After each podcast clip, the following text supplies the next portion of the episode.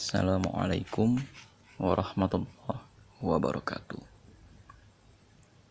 Innal hamdalillahi nahmaduhu wa nasta'inuhu wa nastaghfiruh. Wa na'udzu billahi min syururi anfusina wa min sayyiati a'malina. May yahdihillahu fala mudhillalah wa may yudlil fala hadiyalah. Asyhadu an la ilaha illallah wa asyhadu anna Muhammadar Rasulullah. Allahumma salli ala Muhammad wa ala ali Muhammad kama salaita ala Ibrahim wa ala ali Ibrahim. Innaka Hamidum Majid. Rabbi syrah li sadri wa yassir li amri wahlul uqdatam min lisani yafqahu qawli. Rekan-rekan sekalian, kali ini kita akan memasuki kelanjutan kisah perang Uhud yaitu ketika pada tanggal 15 Syawal Rasulullah Shallallahu Alaihi Wasallam pulang dari medan perang Uhud menuju kota Madinah pada menjelang senja harinya.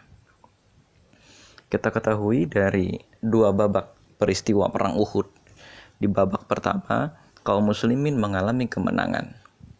Akan tetapi, rekan-rekan sekalian, ternyata di babak kedua, kaum muslimin mengalami kekalahan telak sekali karena ternyata pada saat itu regu pasukan pemanah ternyata e, terbawa emosinya atau terbawa e, gairah jiwanya untuk mendapatkan ghanimah ketika melihat orang-orang Quraisy sudah meninggalkan medan perang dan berlari ketakutan.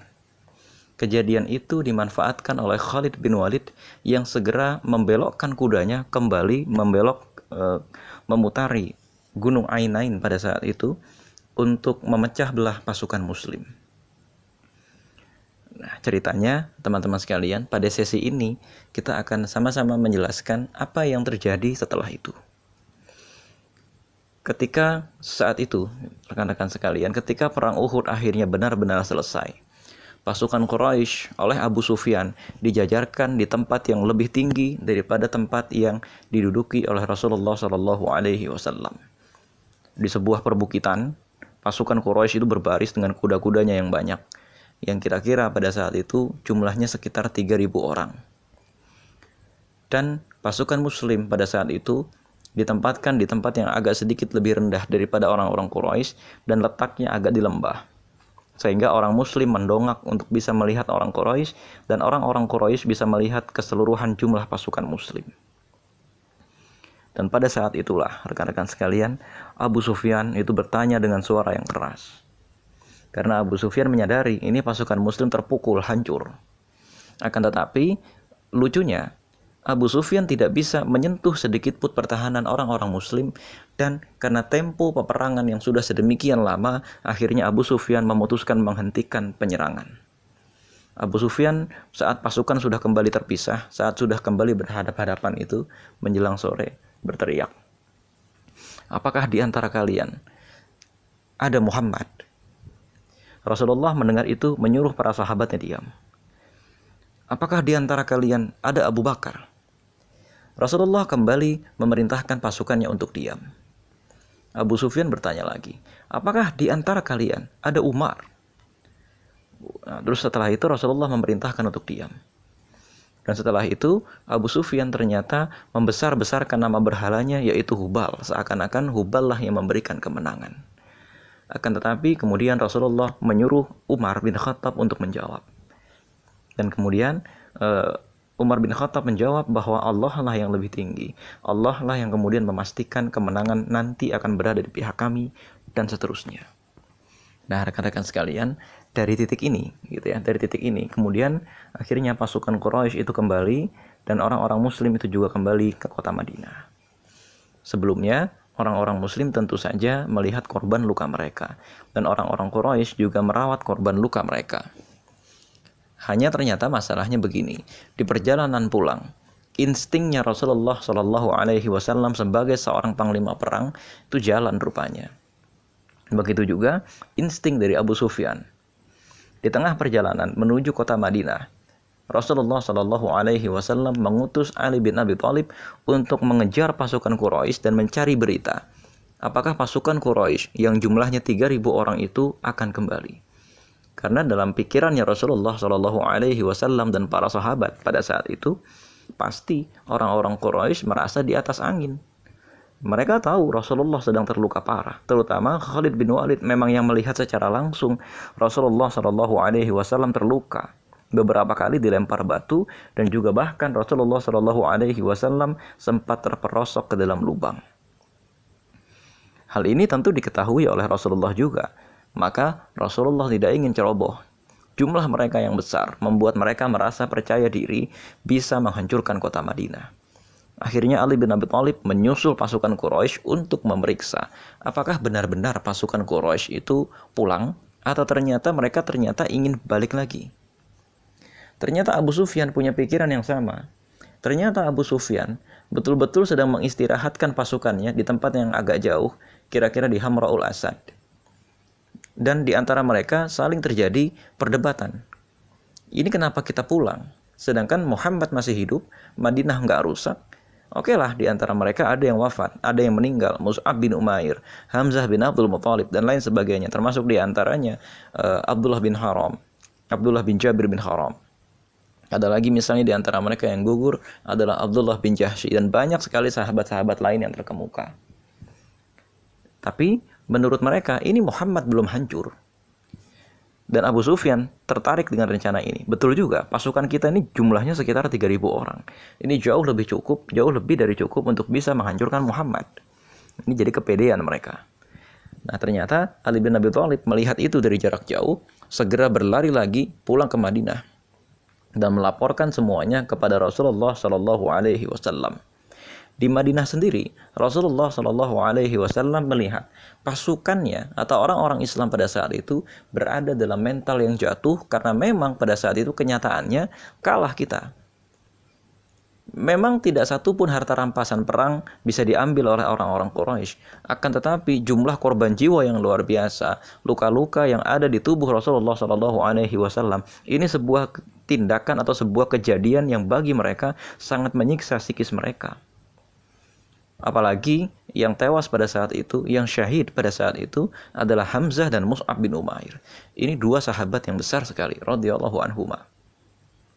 Nah, maka kemudian Eh, rekan-rekan sekalian, Rasulullah Shallallahu Alaihi Wasallam ketika mengetahui kabar dari Ali bin Abi Thalib ini, lalu memerintahkan seluruh sahabatnya untuk berbaris kembali, kecuali ya mereka yang tidak ikut di perang Uhud.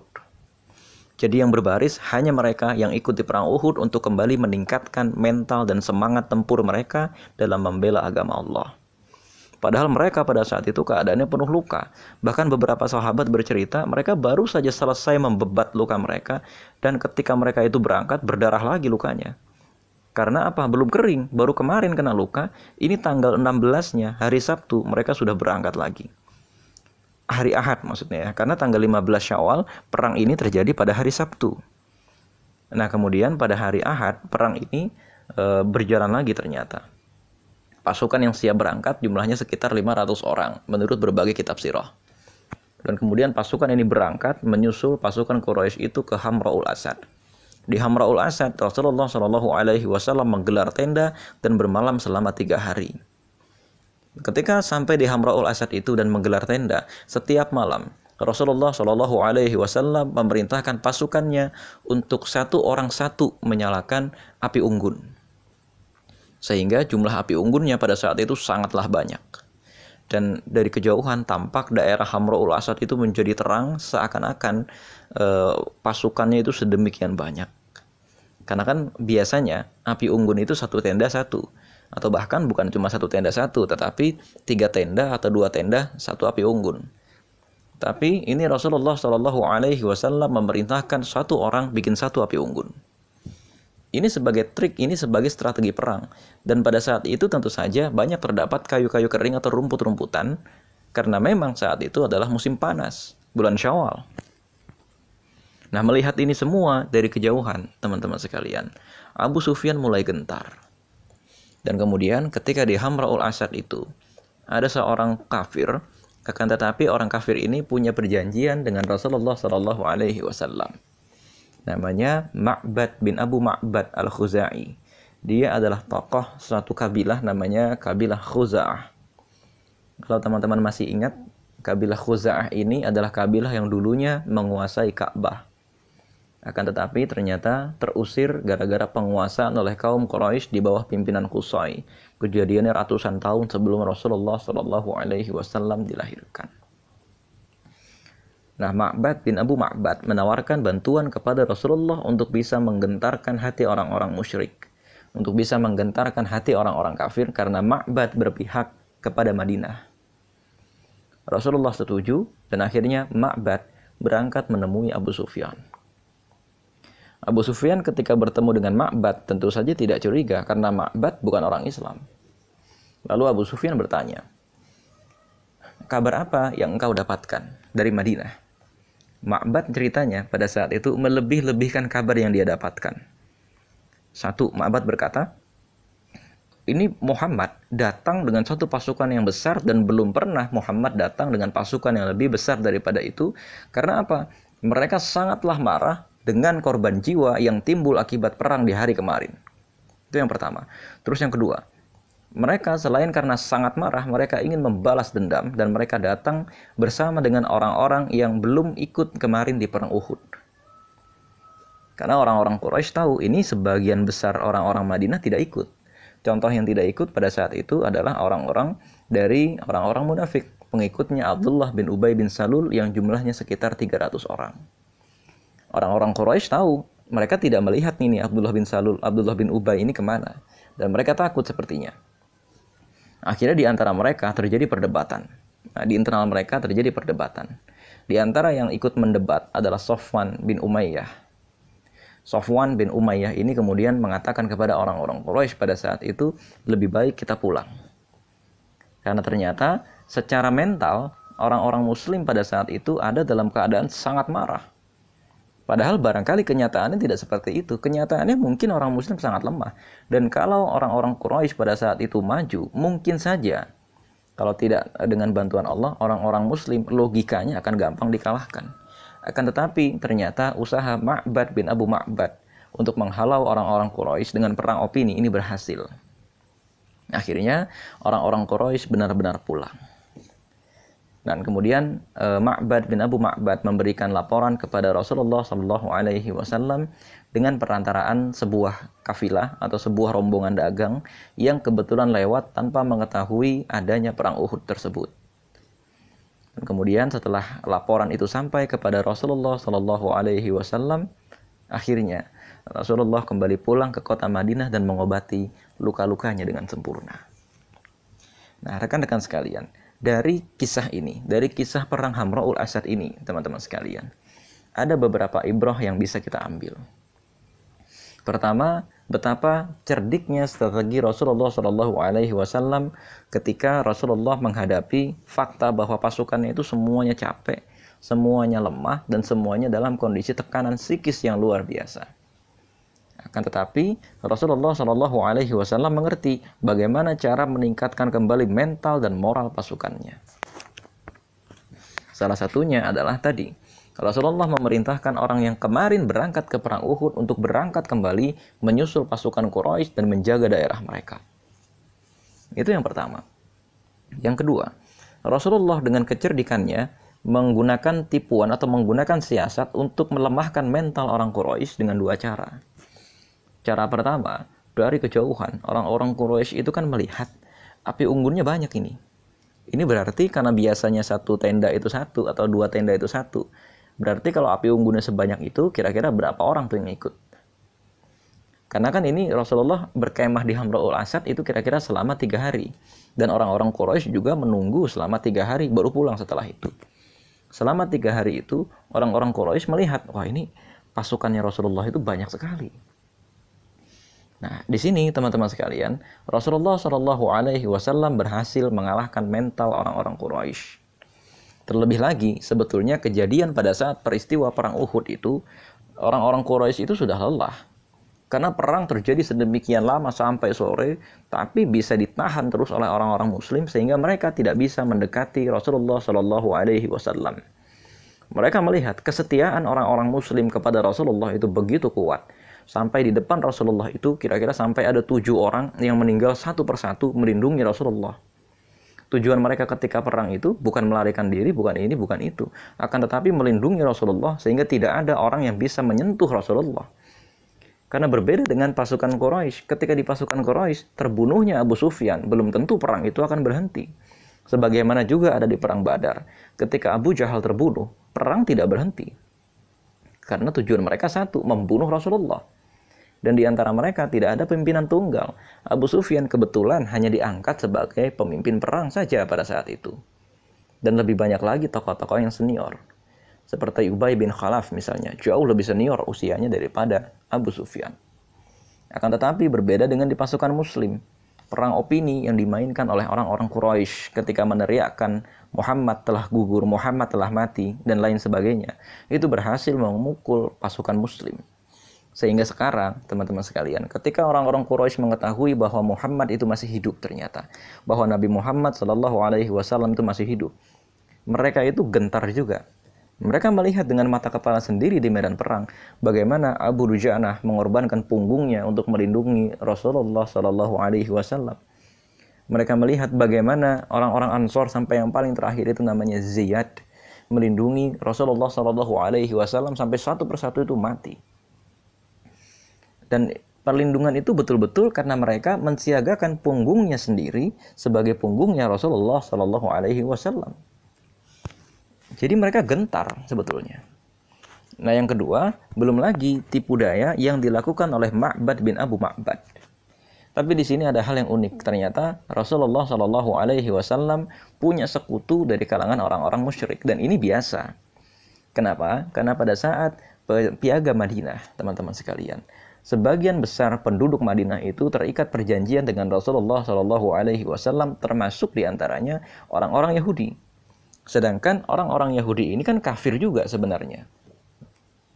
Maka wajar kalau di antara mereka gitu ya, ada orang-orang kafir yang memang juga terlibat dalam perang Uhud sebagaimana Ma'bad bin Abu Ma'bad. Lebih lanjut lagi kalau kita mau bahas peristiwa ini ya, keterlibatan orang-orang kafir dalam perang Uhud, ini ada banyak juga sebetulnya. Di antaranya misalnya ada mukhairik. Selain mukhairik ada juga yang namanya e, beberapa orang-orang Yahudi yang ikut bersama dengan mukhairik dan lain sebagainya. Dan rekan rekan-rekan sekalian, sampai di sini terletak e, kecerdikan Rasulullah Shallallahu Alaihi Wasallam ketika memimpin perang Uhud. Berbeda dengan kepemimpinan Abu Sufyan mengetengahkan hal ini, teman-teman sekalian, ada bahasan yang cukup menarik yang diperdebatkan oleh para ulama ahli sejarah. Dalam perang Uhud ini sesungguhnya Rasulullah Shallallahu Alaihi Wasallam itu menang atau kalah. Jumhurul ulama melalui tafsir dalam surat Ali Imran itu jelas mengatakan kalah. Karena Allah Subhanahu wa taala dengan jelas menerangkan kalau kamu menimpakan luka kepada orang-orang Quraisy itu di perang Badar, maka kamu sekarang juga mendapatkan luka yang serupa. Artinya serupa itu kan kalah sebetulnya. Dan di sini juga orang-orang muslim itu sadar sesadar-sadarnya bahwa ini episode dakwah yang paling berat. Nanti ketika suatu hari Aisyah radhiyallahu anha bertanya kepada Rasulullah Shallallahu alaihi wasallam, episode dakwah yang mana yang terbilang paling sulit dalam dakwah ini? Maka Rasulullah menjawab, Eh, selain Uhud tentunya gitu ya. Aisyah bertanya selain Uhud. Ternyata Rasulullah menjawab selain Uhud yang paling berat adalah Taif. Dan di situ posisinya sama. Rasulullah sendirian, nggak tahu lagi sahabat-sahabatnya ke mana dan lain sebagainya intinya. Dan hanya mengharapkan pertolongan dari Allah Subhanahu Wa Taala. Mengetengahkan hal ini, ada satu analisa yang menarik dari uh, Syed Mahmud Khattab. Syed Mahmud Khattab adalah seorang jenderal militer beliau mengetahui betul apa eh, atau bagaimana cara menyelenggarakan peperangan. Nah, rekan-rekan sekalian, di sini menurut Syed Mahmud Khattab, sebetulnya perang itu berakhir dengan remis. Perang itu berakhir dengan seri. Setidak-tidaknya seri, kata beliau. Kenapa? Karena menurut perhitungan beliau, ya, satu jumlah pasukan Quraisy yang sedemikian besar ternyata gagal melakukan operasi militer untuk membunuh Rasulullah Shallallahu Alaihi Wasallam malah kehilangan sekitar 22 orang. Satu itu. Bahkan di babak pertama mereka sempat e, mengalami kehilangan besar dengan terusirnya mereka dari medan perang Uhud di babak pertama. Di babak kedua, tujuan mereka sejak awal adalah menghancurkan kota Madinah. Akan tetapi bahkan kota Madinah tidak bisa mereka sentuh sama sekali. Nah, yang ketiga, jangankan itu. Ketika mereka sudah dinyatakan mengalahkan kaum muslimin saja, misalnya, mereka tidak bisa mengambil harta rampasan perang dan tidak ada satupun orang-orang muslim yang ditawan oleh mereka. Semua orang muslim berhasil menyelamatkan diri dari medan perang Uhud dan mereka tidak satu pun membawa tawanan, tidak juga mereka itu e, membawa harta rampasan perang. Maka kalau kata Syed Mahmud Khattab ini berakhir seri. Akan tetapi yang menjadi masalah pertanyaannya sekarang, apakah ulama-ulama ahli tafsir dan ulama-ulama ahli sirah pada zaman dahulu bukan seorang ahli peperangan, bukan juga seseorang yang lahir di medan perang? Jadi seakan-akan kita membayangkan ulama zaman dulu itu seperti ulama di zaman sekarang. Ulama ya ulama, militer ya militer, politikus ya politikus. Ternyata ulama-ulama pada zaman dahulu, rekan-rekan sekalian, termasuk juga para sahabat Nabi, adalah orang-orang yang terbiasa hadir di medan peperangan. Termasuk di antaranya misal Ibnu Ishaq, dan juga misalnya kita ketahui Ibnu Hisham beberapa kali ada di medan peperangan. Nah pada saat itu panggilan jihad tidak hanya berlaku kepada pasukan reguler, akan tetapi juga berlaku kepada setiap laki-laki dewasa. Mereka mengetahui dengan baik bagaimana itu peperangan, dan mereka tetap menyatakan itu kalah. Mengapa kalah, dan mengapa menurut Syed Mahmud Khattab ini menang? Karena ternyata memang e, di sini rekan-rekan sekalian, Rasulullah Shallallahu Alaihi Wasallam terluka parah, dan para sahabat Nabi yang terbesar itu wafat, gugur. Nah di sini juga sudah menunjukkan kekalahan. Yang kedua, rekan-rekan sekalian, orang-orang muslim pada saat itu pulang dengan mental yang sudah hancur. Pulang dengan mental yang dalam kondisi itu, ya rekan-rekan sekalian, mental orang-orang muslim pada saat itu sudah capek, sudah lelah, sudah penuh luka. Maka di sini bisa dikatakan kaum muslimin sesungguhnya kalah. Meskipun menurut Syekh Mat Mukhatab ini bisa dikatakan menang. Nah, rekan-rekan sekalian, uh, itulah di antara ulasan atau kisah lengkap Eh, dari keseluruhan kisah perang Uhud. Nah, di sini teman-teman sekalian, uh, sebagian besar kisah perang Uhud akhirnya Allah abadikan dalam surat Ali Imran.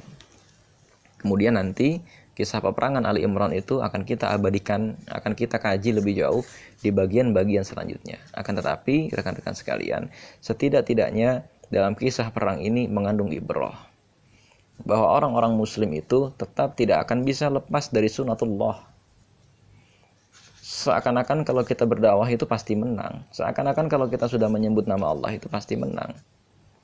Yang dijanjikan untuk menang itu agama Allah, bukan kitanya. Seperti dalam surat Al-Mujadalah misalnya, kataballahu la aghlibanna ana wa rusuli innallaha qawiyyun aziz. Yang dijanjikan untuk menang itu kataballahu la aghlibanna ana wa rusuli. Allah itu akan memenangkan Allah dan Rasulnya, bukan memenangkan orang yang berjuang untuk Rasul dan Allahnya kalau ternyata sunatullahnya tidak terjadi. Sunatullahnya itu e, belum cukup. Dalam arti sebab-sebab yang menyebabkan kemenangan itu tidak diusahakan oleh orang-orang muslim itu sendiri. Salah satu sebab kekalahan di perang Uhud itu sudah jelas bahwa pasukan pemanah itu meninggalkan posnya, melanggar perintah Rasulullah Shallallahu Alaihi Wasallam.